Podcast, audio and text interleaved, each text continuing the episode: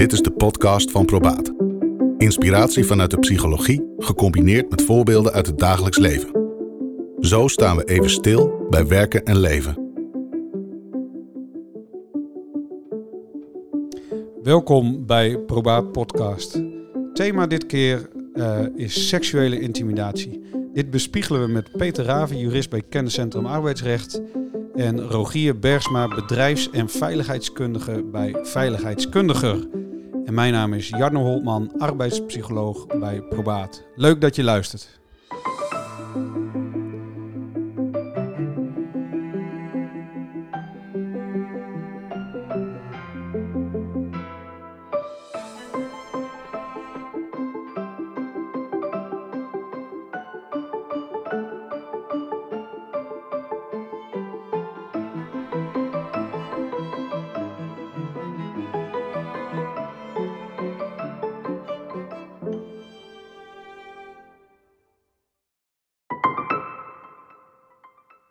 Laat me allereerst even starten met even onze verlegenheid ook even te bedden brengen uh, met het thema seksuele intimidatie. We zitten hier met drie mannen rondom de tafel. Uh, we zijn heel bewust dat dit een gevoelig thema is. Uh, en tegelijkertijd komt het nu zoveel in de media dat we ook denken, ja, hier moeten we iets mee. Um, mocht u nou als vrouw luisteren en denken, ja, maar ik wil er eigenlijk ook wat over zeggen. We nodigen u van harte uit om ons te contacten en eventueel maken we een vervolg uh, uh, uitzending hierover om het nog breder te bespiegelen. Um, dus daarmee ook direct even disclaimer. We zullen niet compleet zijn, maar we willen, zullen wel zo goed mogelijk het belichten van, over het thema de werkvloer. Rogier. Goedemorgen. Goedemorgen. Um, zullen we het eerst eens even neerzetten. Wat is seksuele intimidatie? Heb jij daar beeld bij? Of, of Peter? Of... Nou, het aardige is eigenlijk binnen het veiligheidskundig vakgebied is dat natuurlijk zeker een thema. Wat dan valt binnen PSA. En PSA hebben we natuurlijk vaker uh, behandeld. Ik geloof dat jij er wel een aardig goede opzomming van hebt, hè Jarno? Ja. Als je dat wil noemen. Nou, PSA, ja, daar hebben we het net even voor tijd nog even over. En de psychosociale arbeidsbelasting, dat is een soort paraplu waar heel veel onder valt. Uh, uh, en het valt eigenlijk drie punten vallen onder de PSA. En dat is werkdruk, ongewenst gedrag en seksuele intimidatie. En het derde is agressie, geweld en ook pesten. Uh, dus deze drie punten vallen onder de psychosociale arbeidsbelasting. Ja, binnen het veiligheidskundig vakgebied is het zeker een thema. Um, daar hebben we het ook over. Uiteraard ook over fysieke arbeidsveiligheid. Um, toch kom ik in mijn praktijk niet zo vaak tegen. Ik hoor niet zo vaak meldingen. Ik hoor ook niet zo vaak binnen bedrijven dat er echt een thema is wat moet worden aangepakt. Meestal word ik gevraagd voor andere zaken. Hoe ervaren jullie dat? Komen jullie het wel eens tegen in jullie branche of jullie praktijk? Nou, ik vind het wel een goeie. Um, ik denk dat je daar een punt hebt. Um, ik doe dit werk nu al een kleine 26 jaar. En ook ik moet tot mijn schaamte bekennen dat ik weinig uh, meldingen krijg van cliënten die daarmee te maken hebben.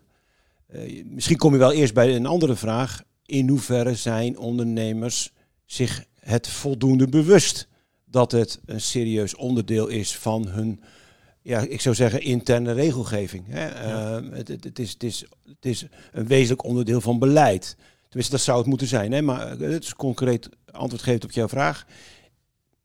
Nee, ik heb ook de indruk dat, in ieder geval in mijn klantenkring, dat zijn middelgrote, grote, maar ook wat kleinere ondernemers, um, uiteraard daarmee geconfronteerd zullen worden. Maar ik merk dat dat nog wel wat een bepaalde verlegenheid bestaat. Omdat, uh... Zitten wij misschien op de verkeerde plek? Dat, uh, dat wij worden ingevlogen voor andere thema's waarmee we kunnen assisteren en adviseren. Ja. Maar dat eigenlijk het thema met natuurlijk schaamte en schuldgevoel overladen is. En dat ze eigenlijk niet bij ons terechtkomen, maar dat misschien bij, eerder bij een vertrouwenspersoon zouden doen. Zeker. Of misschien helemaal niet doen. Nou ja, dat, weinig doen. Ik denk dat dat een goede opmerking is. Omdat, um, kijk, elk bedrijf hoort, als daar personeel werkzaam is, een vertrouwenspersoon aan te stellen. Dat moet onderdeel zijn van, van, ik zou zeggen, wet en regelgeving binnen een bedrijf. En zo'n vertrouwenspersoon moet met de betreffende medewerker die last heeft van seksueel intimidatie of van ongewenst gedrag in het algemeen, moet daar natuurlijk ook in vertrouwen mee kunnen spreken. Mm -hmm. Dus de vraag is natuurlijk altijd, hoe komt datgene wat die medewerker met die vertrouwenspersoon bespreekt, dan inderdaad bij die HR-manager of bij ons als adviseurs terecht? Hè?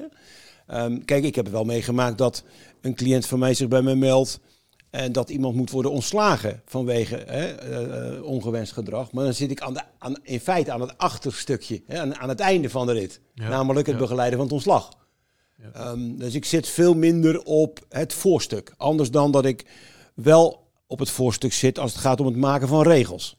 Dat is dan wel mijn betrokkenheid. Maar tussen die maken, dat, dat maken van regels en dat stuk begeleiden richting de uitgang, dat ontslag, als gevolg van het ongewenst gedrag, daar, daar ben ik eigenlijk niet bij betrokken. Nee. Ja, terwijl dat natuurlijk eh, een hele belangrijke fase is. Zeker. De, de, Zeker. De voorkomen CQ-amplitiefase. Ja. Zorgen, juist niet zorgen dat het misgaat. Ja. Ja. maar dat ligt voor een deel in wat ik formuleerde met de betrokkenheid bij het opstellen van regels. Hè. Dus het gaat ook over, eh, allereerst ben je als ondernemer die personeel in dienst heeft, bewust van de problematiek, daar begint het mee. En twee, als je je daarvan bewust bent, hoe heb je dat dan vormgegeven? Ja. Hoe ga je daar dan mee om? En ik merk dat, ehm, en het is best misschien een gevaarlijke opmerking, waar wij in Nederland eh, wel eens last van hebben, is van hypevorming. Hè? Dan gebeurt er iets bij RTL eh 4, het programma, hoe heet het ook alweer, The Voice of Holland.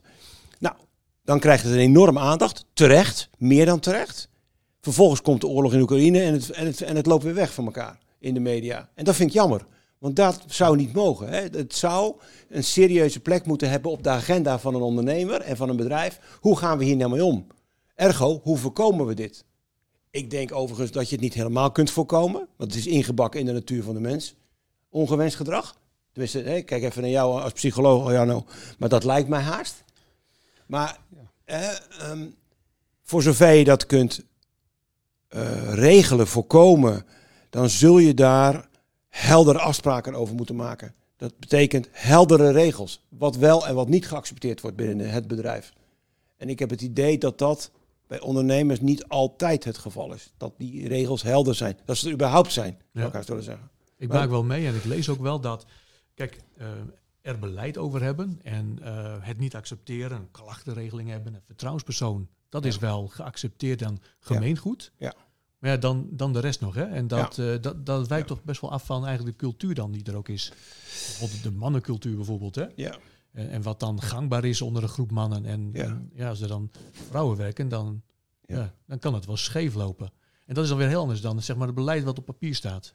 Nou ja, maar het is, het is aardig dat je dat zo zegt. Het, het- het doet me denken aan een voorbeeld. Eh, jaren geleden kwam ik bij een cliënt in de bouwkeet. Ik was toevallig in de buurt van een grote aannemer. En weet je, daar hingen in die tijd gewoon nog pin-ups. Foto's in de keet van de, van de, van de aannemer. Ja. Nou, om maar iets aan te geven wat volstrekt fout is, is dat het dus. Dus kortom, je ziet wel een beweging dat ondernemers zich bewust raken dat dat soort uitingen niet meer aan de orde kan zijn. Dat het gewoon stuitend is, dat het gewoon fout is. Maar ik mis een beetje het beeld van, maar wat gebeurt er nou daadwerkelijk? Is die vertrouwenspersoon daadwerkelijk bij elk bedrijf met personeel aanwezig? En hoe werkt dat dan precies? Nogmaals, regels eh, opstellen en daarmee eh, met de ondernemer aan, aan de slag gaan, dat is mijn vak. Maar hoe dat dan vervolgens in de praktijk zich vertaalt, ja, nogmaals, aan het einde van de rit, goh Peter, er moet een werknemer weg, want enzovoort, dus help bij het ontslag. Maar daartussen mis ik het een beetje. Ja. Ja, nou even toch terug naar die vraag hè, die ik net stelde.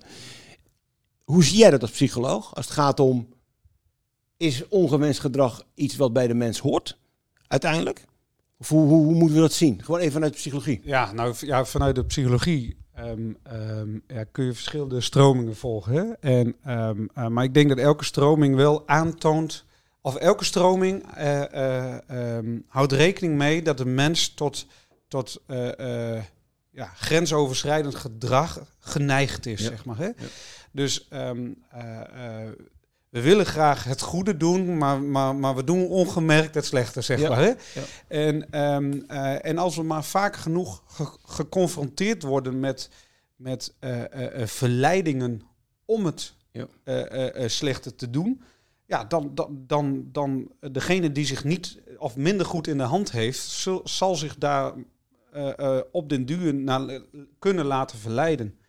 Merk dat ik ook zoekende ben van, hey, hoe doe je, de- hoe, hoe, Mhm. hoe verwoord je het ook zuiver? Ja, ja. Ehm, maar ik, ik, ik eh, nou ja, als je kijkt zeg maar hoe, hoe, de, hoe, de, hoe de ontwikkelingen op televisie, maar ook op, op, op reclamegebied vooral, Ja. hoe er qua schaarsheid bijvoorbeeld van, eh, eh, eh, van kleden of, of van billboards of eh, ja, dat dat gevoelens oproept. De- de- volgens mij is dat helder. Dat, dat even gechargeerd mannen daar eh, meestal met seksuele intimidatie de fout in gaat, dat mag nooit. Eh, eh, en tegelijkertijd wordt hun gedrag wel, of wordt hun verleiding wel gevoed, zeg maar. Ja. Dus ik denk soms wel eens, hey, als je nu, hè, de man moet of leren wegkijken, of hij moet minder verleid worden, zeg maar. Hè? Ja. Dan, dan breng je ook iemand minder in de verleiding. Ik, ik heb de laatste keer uitgelegd aan van, weet je, het is net alsof je een bak met spekkies op tafel zet en tegen de kinderen zegt, je mag het niet aankomen. Maar hij is wel vrij toegankelijk. Ja. Nou, dan gaat één dag goed, twee, dag goed, twee dagen goed. En op een gegeven moment gaan ze toch van eten. Ja, dan is dat kind volledig fout geweest. Maar ik heb als ouder zeg maar wel die eh, verleiding er neergezet. Ja. Maar nu wil ik wel even een heel duidelijk punt maken. Is die verleiding, die bak spekkies. Hè, dus de meeste slachtoffers zijn zelf nooit die bak spekkies geweest, zeg maar. Hè. Die zijn zelf nooit die verleiding geweest. Ja. Maar alle verleiding wat er omheen op, op iemand afkomt, kan uiteindelijk maken dat juist een, eh, eh, een willekeurig iemand, want vaak zie je dat een willekeurig iemand zeg maar uiteindelijk slachtoffer wordt, Ja.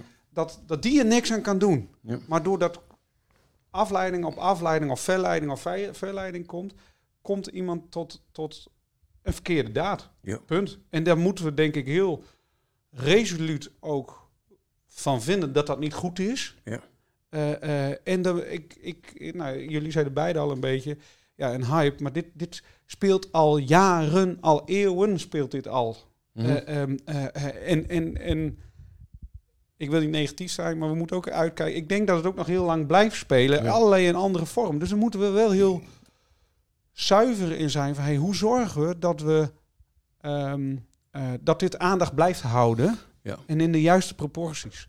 Er, is ook een spanningsveld op dat punt. Namelijk dat, ik las van de week, ik weet niet precies waar, dat ehm, die Jeroen Rietbergen, van, eh, die bandleider van, eh, van The Voice, was ook ontslagen als muzikant bij de Edwin, E- Edwin Evers Band. Ehm, en ehm, nou ja, eh, las ergens van het weekend dat Evers had gezegd nou, dat hij inderdaad niet meer terug kon komen. Maar dat hij hem toch wel gunde om elders aan de slag te gaan als muzikant. Want het was toch een fantastische muzikant. En dat is precies het spanningsveld wat er bestaat. Namelijk, aan de ene kant hoort zo iemand zich te realiseren dat dat wat zijn gedrag met zich mee heeft gebracht volstrekt fout is. En tegelijkertijd hoort zo iemand ook een tweede kans te krijgen. En dat spanningsveld wordt ook onvoldoende belicht, wat mij betreft, in de discussie. Want hoe ga je daarmee om? Wanneer doe je dat? Want het gaat ook over timing. Ik, vind dit, ik vind zoiets volstrekt verkeerd. Dat je als Edwin Evers ehm, ehm, dit überhaupt bespreekbaar maakt. Dat hij mogelijk had terug kunnen keren en, en zijn vervanger die zat er, deed het goed. Nee, daar gaat het niet over. Hij is verkeerd bezig geweest. En zolang er geen strafrechtelijk proces helderheid heeft gegeven, hoe dat ook strafrechtelijk uitpakt, gaat het ook over timing. Zo'n jongen hoort gewoon de komende jaren, de komende tijd, zich niet te bewegen in de muziek zien. Dat geldt ook voor Mark Overmars. Hoe is het, on, hoe is het ik vind het onbestaanbaar dat hij binnen afzienbare tijd nadat hij weg moest bij Ajax, bij FC Antwerpen naar binnen werd gereden. Een maand wel geteld. Dat bedoel ik. Stuitend. Dat hij over 5, 6, 7, 8 jaar, noem, noem een aantal jaren, weer naar therapie, naar whatever, een kans krijgt om zich te bewijzen in de maatschappij, vind ik niet meer dan normaal. Maar niet nu. En dat element mis ik ook in deze discussie. En tegelijkertijd wil ik hier wel voor waken dat ik denk, ja, ehm, wij weten niet wat in dit geval Mark Overmars of weet Zeker, wat voor tuurlijk, we hebben het uit de heeft media. hoe We die, de, ja, en dus, uit de eh, media, eh, zeker. eh, wat, waar ik veel meer voor zou willen pleiten, is dat, eh, ehm, dat dat eh, eh, we als organisatie zorgen dat we de boel goed ingeregeld hebben en dat we welke betrokkenen dan ook, hè, je, je zou maar dader zijn, je zou maar slachtoffer zijn, hè, dat, Zeker. Dat, dat, dat is het ergste. Of je zou maar betrokkenen zijn, een collega zijn die dacht, ja kak, ik heb niet ingegrepen terwijl ik Ja. het wel gezien heb. Ja, Hè, dus het maakt impact op de hele absoluut. werkvloer. Absoluut. En, en juist daarin zuiverheid en klein houden. Dus niet onder het tapijt vegen. hè? Dat is niet, wat ik bedoel Nee, met klein houden. nee. Maar zorgen dat je het niet aan de grote klok hangt. En zorgen dat je niet daarmee te veel mensen beschadigt. Ook voor een terugkeer of iets dergelijks. Maar ook niet gaat pushen van... Ja, iemand heeft zoveel talenten, dus we moeten maar die talenten inzetten. Ja, oh wacht even. Maar er zijn, die, wat dacht je van de slachtoffers? Hadden die dan geen talenten? Maar nou zijn we precies bij een ander punt. Het gaat dus niet alleen over de vraag... Hè, hoe werkt het nou met, met schuldbeleiden of met, met terugkeer in de maatschappij of whatever. Hè, waar, waar we het net over hadden. Maar het gaat ook over dat wat jij daarnet nu, nu, nu benoemt. Hè. Ehm, hebben wij ook altijd wel het goede beeld bij wat er speelt? Eh, en hebben wij het goede beeld bij de rol van de dader, bij de rol van het slachtoffer eh, en de andere betrokkenen? Hè? Dat, dat hele proces moeten we vaak uit de media maar horen. Terwijl ik denk, maar daar begint het wel. Het begint bij feiten en omstandigheden kennen. Ja. Wat is hier aan de hand? Wat heeft hier ertoe, ja, wat heeft ertoe geleid dat dit zo uit de band is gevlogen? Ehm, en, en, en, en één, om, t- om te kijken van, maar wat betekent dat dan voor, die, voor, die, voor een slachtoffer en voor die dader? Niet alleen vanuit het strafrechtelijke proces, maar ook vanuit een ander juridisch proces. Maar ook vanuit de vraag, wat leren we ervan? Want het gaat niet alleen over voor nu het probleem oplossen omdat het een hype lijkt. Nee, het gaat over met wortel en tak uitroeien van dit gedrag. Ja. Daar waar wij daartoe in staat zijn. Hè. En dat was ook de achtergrond van mijn vraag, Jan. Hè. Zijn wij daadwerkelijk in staat om dit gedrag uit te roeien? En dat is namelijk ook onderdeel van het formuleren van regels. Regels gaat ook over, ik wil ongewenst gedrag eruit halen. En daar wil ik regels voor formuleren. En hoe doe ik dat dan? Vanuit bedrijfskundig perspectief vind ik het interessant van hoe heeft die cultuur dan zo kunnen ontstaan? Ja. Heel langzamerhand. Dat Precies. dat eh, al lang geleden gestart is. Precies. Helemaal fout ging. Exact. Heel lang doorging. exact. En, en, en eh, volgens mij vrij laat gemeld is. Ja. Ehm, hoe kan zo'n cultuur dan eigenlijk zo ontstaan? Ook ten eerste dus dat het zo eh, dat gebeurt is, maar ook dat het pas zo laat gemeld is. Hè? En dat er Ja. zoveel blijkbaar ehm, onder het tapijt geveegd kon worden. Ik denk dat je daar ehm, de spijker op de kop slaat, eh Rogier. Ehm, eh, je, nogmaals, ik, ik, ik zit dus aan, de, aan, aan, aan het begin vaak, hè, namelijk het opstellen van regels. Eh, ik zeg altijd tegen klanten, het is onderdeel van je personeelsreglement. hè, Het is onderdeel van je, van je handboek. Het is onderdeel van je beleid op papier zetten. Ja. Eh, maar ik zit als te vaak aan die eindfase. Hè, van nou ja, blijkbaar is er dus tussen het formuleren van die regels, het overtreden van die regels en de beslissing, hij, moet, hij of zij moet weg, want dit en dit is gebeurd. Dat, dat tussenstuk mis ik een beetje. Ehm, maar regels formuleren gaat ook over cultuur. Gaat ook over wat jij zegt. Hè?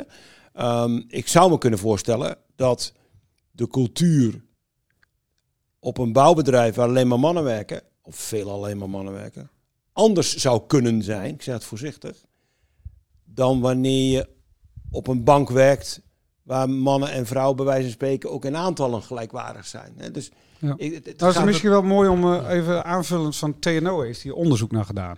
Oké, En eh, die heeft verhoogde risicofactoren binnen een organisatie onderzocht. Oké. Ik, ik, ik zal er even een paar Ja. noemen. Want je, vrouwen worden veel vaker seksueel geïntimideerd dan mannen. Oké, helder. Dus dat is Ja, één. Dat is misschien niet nieuw. Nee. Maar wat misschien wel nieuw is, zijn de volgende vier punten. Jonge vrouwen tussen de 15 en 30 jaar lopen aanzienlijk meer hier tegenaan dan oudere vrouwen. Oké. Dus tussen de 15 en 30 jaar hogere risicocategorie. Daarnaast zijn oproepkrachten en invalkrachten relatief vaker het doelwit dan mensen die in vast dienstverband zitten. Dat, want die zijn kwetsbaarder. Duidelijk. Ehm, nummer vier. Eh, even kwetsbaarder, niet qua persoonlijkheid direct, maar gewoon qua, qua, qua dienstverband. Qua rechtspositie, ja. Ja. Eh, nummer vier. In sterk hiërarchische culturen eh, komt het ook meer voor. Dus wat jij eigenlijk zegt, hè? Ja. dus meer de, Ja. de mannencultuur, Ja. maar dan ook de hiërarchische cultuur, komt het meer voor. Maar het bijzondere is, wat ik in hetzelfde onderzoek las, is juist ook in de lossere, de extreem lossere culturen, zijn er ook meer vatbaarder voor. Dus het betekent niet van, weet je, oh, we moeten heel, eh, het heel strak is niet goed, dus we moeten heel los. Nee, heel los is ook niet goed, zeg maar. Dus Ja. ook, beide komen veel voor. Eh, Dus dat is het vierde punt. En het vijfde punt is, organisaties met mannen eh, in overtal, in combinatie met een leidinggevende die grensoverschrijders niet aanspreekt, neemt de kans op seksuele intimidatie flink toe. Ja, moest kijken. Dus als je dus m- ma- vooral mannen als Ja. in overtal hebt, Ja. plus, en deze vond ik ook wel interessant, dus als leidinggevende dus wel grens, of, eh, grensoverschrijdend gedrag signaleren, maar daar niet naar handelen.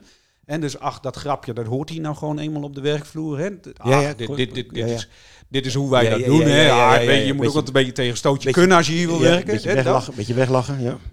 Nou, die combinatie, Ja. en dan hebben we het over een bouw, of de, hè, de- hè, dus noem het net, hè, dan, dan, dan is de kans op seksuele intimidatie veel groter. Je brengt me toch ook weer op een ander punt. Ehm, als dat dan mag. Ehm, de, de luisteraars, eh, de, de, de- er is een serie, Downton Abbey. Misschien kennen jullie het ook wel. Ehm, en in een van de eerste afleveringen, en de, de Wereldoorlog 1 is aan de gang, is er een, een, een, een gewonde militair. Die wordt op Downton Abbey verzorgd. En het speelt dus in de beginjaren ergens 8, 19, 1914, 1915. En die militair, hoog in rang, wordt verzorgd. En een van de dienstmeisjes kruipt met die militair in bed en raakt zwanger. Wie is hier het slachtoffer? 1914. Het meisje is het slachtoffer. Maar zij komt op straat te staan. Zij heeft geen toekomst meer. En die kolonel, of wat was het? Die kreeg een tik op zijn schouders van, joh, niet meer doen. Als hij het al kreeg. Kortom, cultuur, ehm, ontwikkeling spelen dus een hele belangrijke rol in de afgelopen 100 jaar. Wij zijn dus heel anders, dat wil ik ermee zeggen. Wij zijn heel anders gaan kijken naar seksueel overschrijdend gedrag dan 100 jaar geleden. Ja, en ik heb, merk ook En wel- terecht ik- trouwens. Ik merk, ja, en terecht. En ik merk, ik wil er ook even wat naast zetten. Ja. Ehm, toen net met eh, eh, nou, dat grensoverschrijdend gedrag zeg maar, veel in de media was, eh, toen sprak ik met een arts. En toen zei ik, weet je, merk jij het ook in het ziekenhuis? En toen zei hij, ja. Hij zei, maar weet je waar ik het meest van geschrokken ben? Hij zei, dat was tijdens de studie. Toen we met honderd studenten zeg maar in een zaal zaten. En toen de professor zei, hè, dus op universiteit, hè, eh, eh, gewoon hier in Groningen. Toen de professor in de zaal vroeg van, hey, weet je, het is eh, eh, wie zou ervoor openstaan om eventuele seksuele handelingen te gaan verrichten om daarmee promotie te bewerkstelligen? Ja? Dus oftewel, jij stelt je lichaam beschikbaar om promotie te krijgen. Dus meer dan een derde gingen de vingers omhoog. Goedemorgen. Ja. Meer dan een derde. Ja. Bijzonder. En dan denk ik, hoe is het überhaupt mogelijk dat mensen dat... Hè, hoe, dat en, maar tegelijkertijd ben ik dan ook, zou ik ook graag met die mensen in gesprek van, hey, wat drijf je dan? Wat, wat, eh, eh, is die, die promotie is dan meer waard zeg maar, dan die se- seksuele handeling. Maar hoe zullen die mensen terugkijken als ze eenmaal de seksuele handeling hebben verricht? Precies. op de positie zitten. En hoe zullen ze dan terugkijken naar die Ja. leidinggevende die ze toen gehad hebben? Zeg maar. Hoe is dan die relatie? En, en hoe kijken ze daar dan op terug? Hoe handelen ze daar dan op terug? En als ze daar dan eventueel spijt van hebben, hoe, hoe, hoe, hoe komt dat dan aan het licht? Nou ja, dat, ja, dat eens. Ik snap wat je zegt. Kijk, ik- ehm, ik, schrok, ik schrok ik- ervan, terecht, zeg maar. terecht. Terecht, ja, nou, en te begrijpen. dat, dat het haast een, een, een... Weet je, jij krijgt wat van mij en ik krijg wat van jou. Ja. En, dan, en, en, en dat is natuurlijk een beetje... Maar die cultuur was natuurlijk heel lang, hè? Ja, maar ja, ja, ja. En, en het ziekenhuis is natuurlijk ook sterk hiërarchisch Zo, ik. organisatie, zeg maar. Zo, dacht ik. Dus eh, volgens eh, TNO ook vatbaar voor dit soort eh, Ja. uitwassen. Absoluut. Ehm, maar ik, ik, nou ja, het Heeft- deed mij wel al aanvullend, zeg maar, kijken op dit thema. Heeft het ook Ja. te maken met dat we in de afgelopen honderd jaar voornamelijk de wereld natuurlijk door mannen hebben laten domineren. Want Nou ja, ehm, volgens onderzoek wel. toch? Eh, En, en, dat, ehm, en, en ik denk dus dat een deel van de problematiek, en je gaf het in het begin in je inleiding aan, Jano, ligt dus in gedrag van mannen eens, op dit onderwerp. eens. En wij mannen moeten dus eerst naar onszelf kijken als we dit probleem willen oplossen. En, en, en, en, en, hoe, ik ben geen psycholoog, hè, maar ik, ik zie wel dat op heel veel thema's achterstelling van vrouwen zich vertaalt in ongewenst gedrag. Nou, ik merk Ja, wel, ja. maar puur gewoon als, als, als man even zelf, Ja. zeg maar, Ja. merk wel dat ik wel door de aandacht die het heeft, wel voorzichtiger ben geworden. hè. Ik heb veel vrouwelijke collega's, ik begeleid ook veel eh, vrouwelijke eh, medewerkers, leidinggevenden. eh, ehm, en dat ik denk, ja, ehm, eh, eh, ik, ik, ik check nu wel eerst even, hey, wat, wat vind je prettig? Of hey, ehm, eh, eh, Ja. wat vind je gepast? Dat, dat, dat, eh, nou, een hand of weet ik wat of niet, zeg maar. Ja. Eh, ehm, dus ik merk wel dat het, dat het me bewuster maakt. Ja, hè? Want eh, voor de corona was het een beetje een huk-cultuur. Ja, ja. Eh, ehm, eh, tijdens corona juist de afstand houden. En nu dan? Wat doe je dan nu? Ik hoor veel vrouwen die zeggen van gelukkig hoeven het drie zoenen bij eh, welkomst niet meer. Juist. Of Ja. bij tot ziens. Ja, klopt. Klopt, Ja. klopt Rogier. Ja. Ja. of een hand geven zelfs. Ja. Ja, klopt. Ja, die ja, drie verplichte kussen op de Ja. wang. ja, ja, ja. Ehm, je dijt zelfs naar achteren. Waarvan dan, eh, ja goed, eh, kijk, bij, bij mannen gebeurt het natuurlijk wat minder, hè, maar dat de vrouw ook de oom of de, weet ik veel wat, nog even drie kussen geeft, omdat het zo hoort. En dat ze eigenlijk denken van, nou, maar ik ben wat blij dat dat voorbij is. Ja. ja. Ja, klopt. Ja. Ik, ja, dat, eh, dat, dat herken ik, omdat ik dat ook hoor. Maar, maar toch even terug. Hè. Ik denk dat... ehm, hè, we hebben het feitelijk over seksueel overschrijdend gedrag. Maar het is feitelijk onderdeel van een groter thema. Namelijk ongewenst gedrag. Ehm, en ongewenst gedrag is op allerlei vormen... eh, uit zich op allerlei vormen, wilde ik zeggen. Eh, en seksueel overschrijdend gedrag is daar natuurlijk een hele wezenlijke in. Hè, maar in zijn algemeenheid kan je zeggen, seksuele intimidatie of seksueel overschrijdend gedrag is onderdeel van overschrijdend, grensoverschrijdend gedrag. Ja. Ja. En ik denk dat dat, eh, wat mij betreft, eh, wat, dus wat bredere context moet krijgen dan seksueel overschrijdend gedrag. Nee, het gaat over grensoverschrijdend gedrag. Dat kan op allerlei vormen, Ja. In allerlei, op allerlei manieren zich natuurlijk uiten. Dat kan eh, zich, zich in feite uiten doordat je iemand kleineert, Mhm. iemand pest, eh, iemand denigrerend ben- be- benadert, behandelt. Dat, is, dat is ook gewoon een vorm van grensoverschrijdend. Daar begint het mee. Kortom, het begint bij je realiseren als werkgever, als leidinggevende, dat als je personeel hebt, je gedraag je. En hoe dan de tekst, hoe gedraag je je dan moet in worden gevuld, dat is even stap twee. Ja. Maar je gedraagt je gewoon. Ja. En dat gebeurt toch te weinig. Hè? Wij, Denk je dat er te weinig, ehm, eh, ook te weinig aanspreekcultuur is op, ehm, op gedrag? Zeker. Zeker. Ik denk dat, dat ehm, zeker in grotere organisaties de gedachte van wacht even, moet ik hier mijn mond over, over open doen of vergooi ik dan mijn eigen kansen? In de Ja. zin van promotie of Ja, Verhouding. de organisatie met name. correct? Ja. Ik, ik, ik weet dat dat speelt, dat die overwegingen worden gemaakt. Van ja, ik zal maar niks zeggen, want volgens mij ben ik straks aan de beurt, weet je wel? Ja. Ehm, nou, dat soort thema's moeten be- besproken worden. We zullen daar echt wat aan moeten doen. En we moeten het dus niet weer een volgende hype laten worden. Nee, we moeten het nu aanpakken.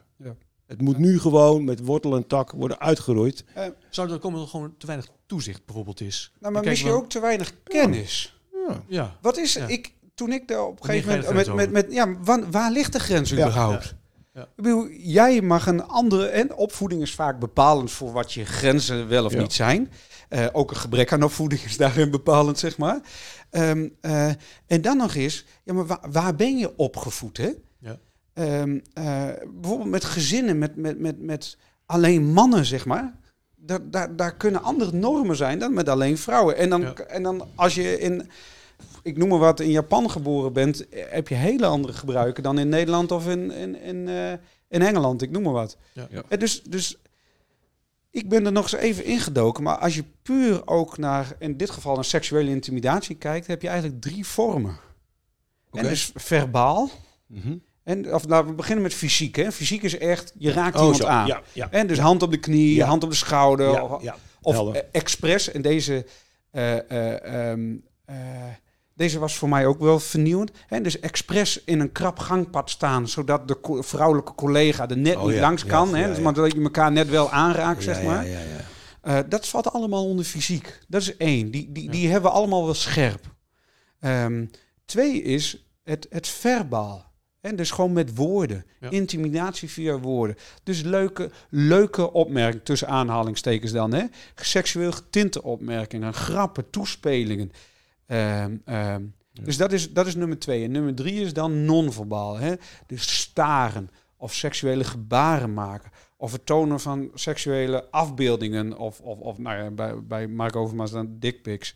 Ehm, eh, dat zijn eigenlijk de drie vormen van seksueel, seksuele intimidatie.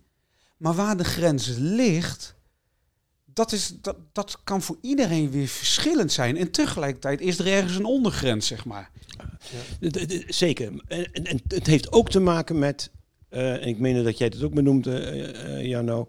Het heeft ook te maken met het aanbieden van verleidingen. Hè? Ehm, ik vind het zo bizar. Ik lees de Telegraaf niet als krant, maar ik heb wel de, de, app van de Telegraaf. Al was het alleen maar om de sport, vind ik leuk. En dan zie ik af en toe, dan is er een rubriek, dagboek van een minnares. Dan denk ik, jongens, doe normaal. Doe normaal. Ehm, als je dat soort. Doe het, vooral. Maar niet in een ochtendkrant. Waar 8 of 900.000 eh, mensen elke dag in lezen. Oftewel, wij moeten ook eens nadenken. Of we niet de toegang tot allerlei verleidingen moeten gaan beperken. En ik snap hoe het werkt, hè, juridisch. Hè, eh, eh, vrijheid van mening, noem het allemaal maar op. Het zal allemaal wel. Maar het is ook een grondrecht. Een grondrecht is integriteit van lichaam en geest. En dat betekent, je blijft gewoon met je poot van een ander af. Om het maar heel, gewoon heel plat te maken. En ik vind dat we ook moeten nadenken over de vraag... hoe kunnen we als maatschappij daar ook een steentje aan bijdragen... als het gaat om het niet... maar veel, en dus veel minder die verleidingen ook in beeld te brengen. Of, op, op, of Ja. te laten zien. Ik vind dat ook een, een Nou ja. wezenlijk onderdeel van de discussie. Eens. Ja. En, en eh, vorige week is het Lagerhuis in eh, Engeland Ja, is een Ja, eh, het, politicus eh, zeg maar, Ja. opgestapt Ja. eh, eh, vanwege aantijgingen. Ja. En die scheen dus gewoon porno te zitten kijken waar zijn collega's naast zaten. Ja.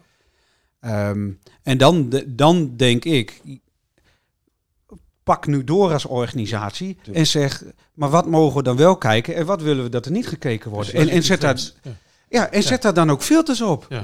Dus zorg, als je weet dat mensen daar vatbaar voor zijn, dan kun je denken vanuit de, vanuit de vrije wil, van nou weet je, laat alles maar open en we gaan er vanuit dat de mensen het goede kiest. Nou, ik wou dat het zo was, zeg maar. Hè? Eh, eh, maar het feit is dat, dat, dat, dat iedereen wel geneigd is om ook buiten zijn grenzen te kleuren dan. Hè? Ja. En hoe fijn is het dan dat je dan eh, daar eh, eh, samen over nadenkt. En samen ook kaders in maakt. Ook, ook omdat ik denk dat het is, een, het, is een, het is een breder probleem. Het gaat niet alleen over die seksuele overschrijdend gedrag, maar het gaat over grensoverschrijdend gedrag. Ja, het gedrag gaat, in het algemeen. Gedrag in het algemeen. Ja. Hè? Ehm, de, de maatschappij lijkt losgeslagen.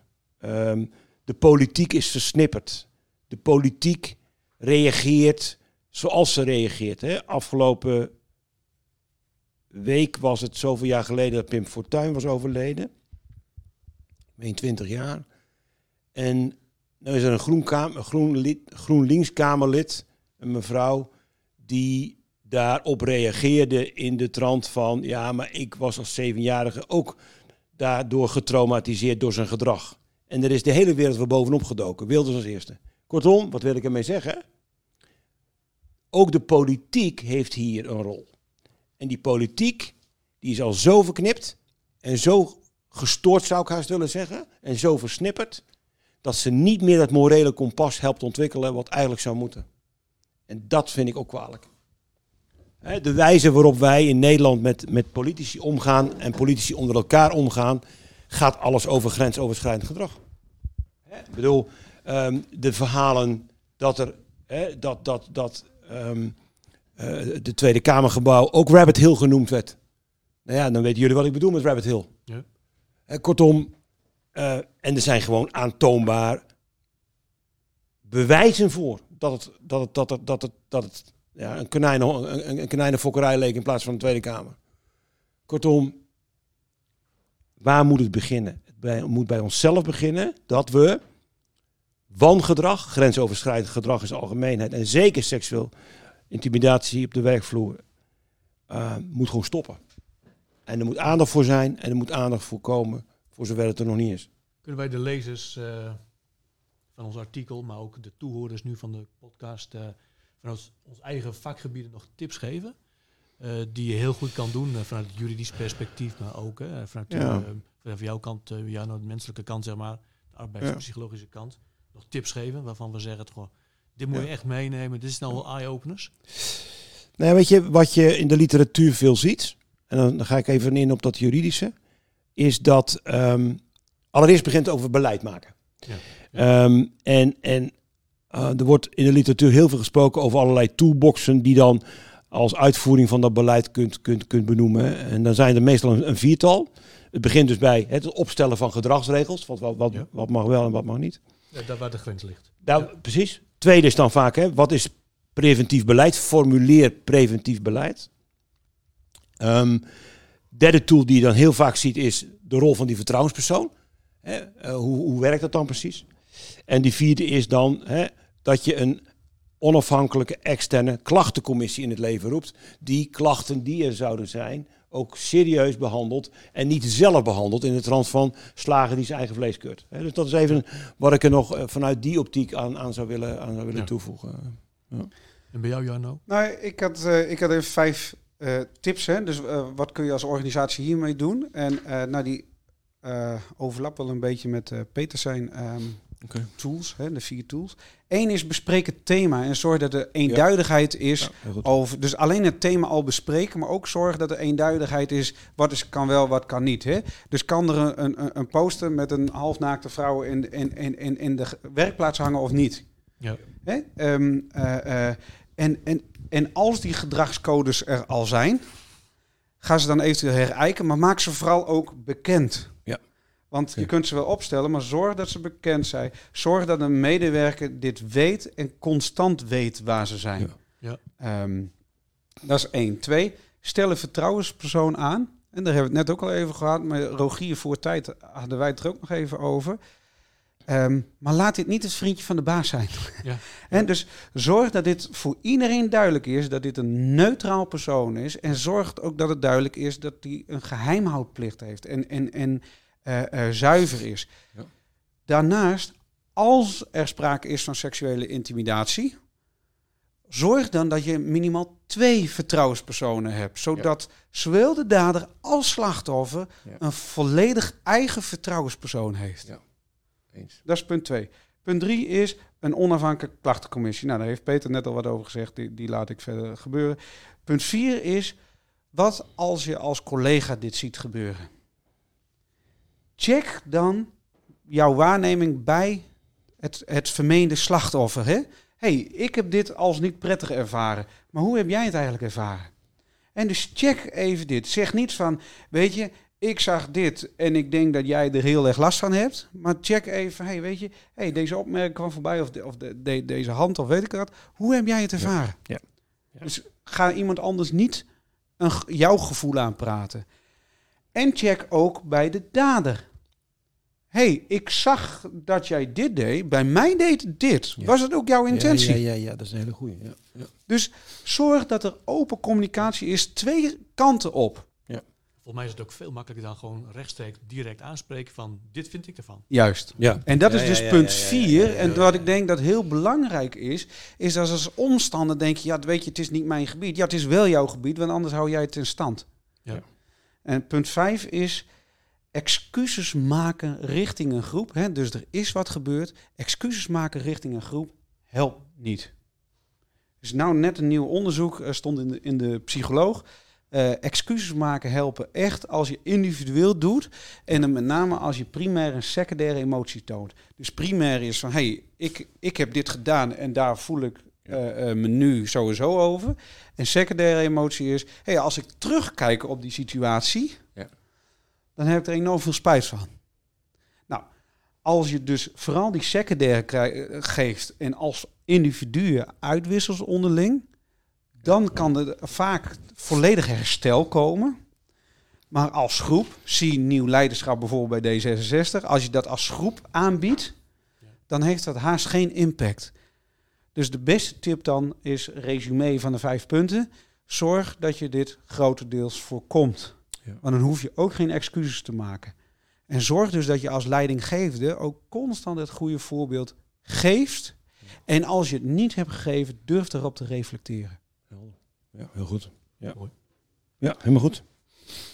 Wat mij betreft, uh, tot zover uh, uh, deze af. Of heb jij nog, Rogier, iets? Nee? nee? Oké. Vond het waardevolle tips. Ik heb niks meer toe te voegen. Behalve dan de opmerking dat inderdaad veel wat beter, maar ook jij zegt ja nou, dat, dat zit in het veiligheidskundig vakgebied als onderdeel van de Arbowet. Ja. En dat is niet meer eigenlijk dan heel simpel maak er beleid over. Ja. ja. en daar stopt het eigenlijk bij. Dus die tips die jij geeft zijn zeer waardevol, Jarno. Ja, ja en wat, wat nog even door mijn hoofd heen gaat, even tot slot, is dat dus het komt dus hè, 16% bij de werknemenden voor, hè, dus de seksuele intimidatie, maar een derde meldt het. Dus het zou ook fijn zijn dat het vaker gemeld wordt, want dan kunnen we er ook beter op sturen en beter grip ook bij krijgen. En tegelijkertijd is het dan ook wijs om te checken, ja, maar wat is het dan? Hè? Nou, dit was trouwens nog één ding. Ik snap dat het voor heel veel mensen enorm moeilijk is om te melden, hè, vanwege ja. uh, schaamte en schuldgevoel. Ja. vandaar ook dat weinig mensen te weinig het melden. En ik denk dat de oproep aan ons allen is eigenlijk, hè, maak het uh, bespreekbaar, ja. uh, spreek elkaar erop aan. En wat jij net zegt over van, hé, hey, ik heb dit ervaren, ik heb dit gezien. Um, klopt het met mijn waarneming? Dat als we daar elkaar in trainen en dat een soort ja. gemeengoed in die organisatie maken, dat al een heel stuk makkelijker ook voor uh, de slachtoffers wordt. Ja, dat ja, wij hun eens. daarmee kunnen helpen. Eens. Het, eh, weet je, dit is zo'n gevoelig onderwerp en dat is het voor ons ook. Dus laat staan als je zelf mee te maken hebt gehad. Ik zou er niet graag eh, in uh, hun schoenen willen staan. Ja, en het gaat ook over groepsappjes en weet ik wat. Kun je, durf je daarin te acteren van hé, hey, maar dit vind ik niet respectvol. Dit was de probaat. Um, dit was de aflevering over seksuele intimidatie. Mocht je vragen, opmerkingen hebben of graag wat dingen aan te vullen hebben, mail naar Vraag het Probaat en dan zullen we indien nodig met z'n drieën het uh, bekijken en eventueel uh, beantwoorden. Mocht je uh, nu denken, hey, dit is belangrijke informatie, dan kun je ook op onze website een artikel hier ook over vinden. Of um, uh, je kunt je ook abon abonneren, hè, moeilijk woord, op een van de kanalen om hier meer over te luisteren. Um, en uh, het staat je ook vrij om deze podcast door te sturen. Daarvoor zijn deze. Bedankt iedereen voor het luisteren. Graag Bedankt voor het meewerken. Graag gedaan. En uh, tot een volgende keer. Dit was de Probaat Podcast. U kunt ons vinden op www.probaat.nu. En de volgende vindt u ook hier.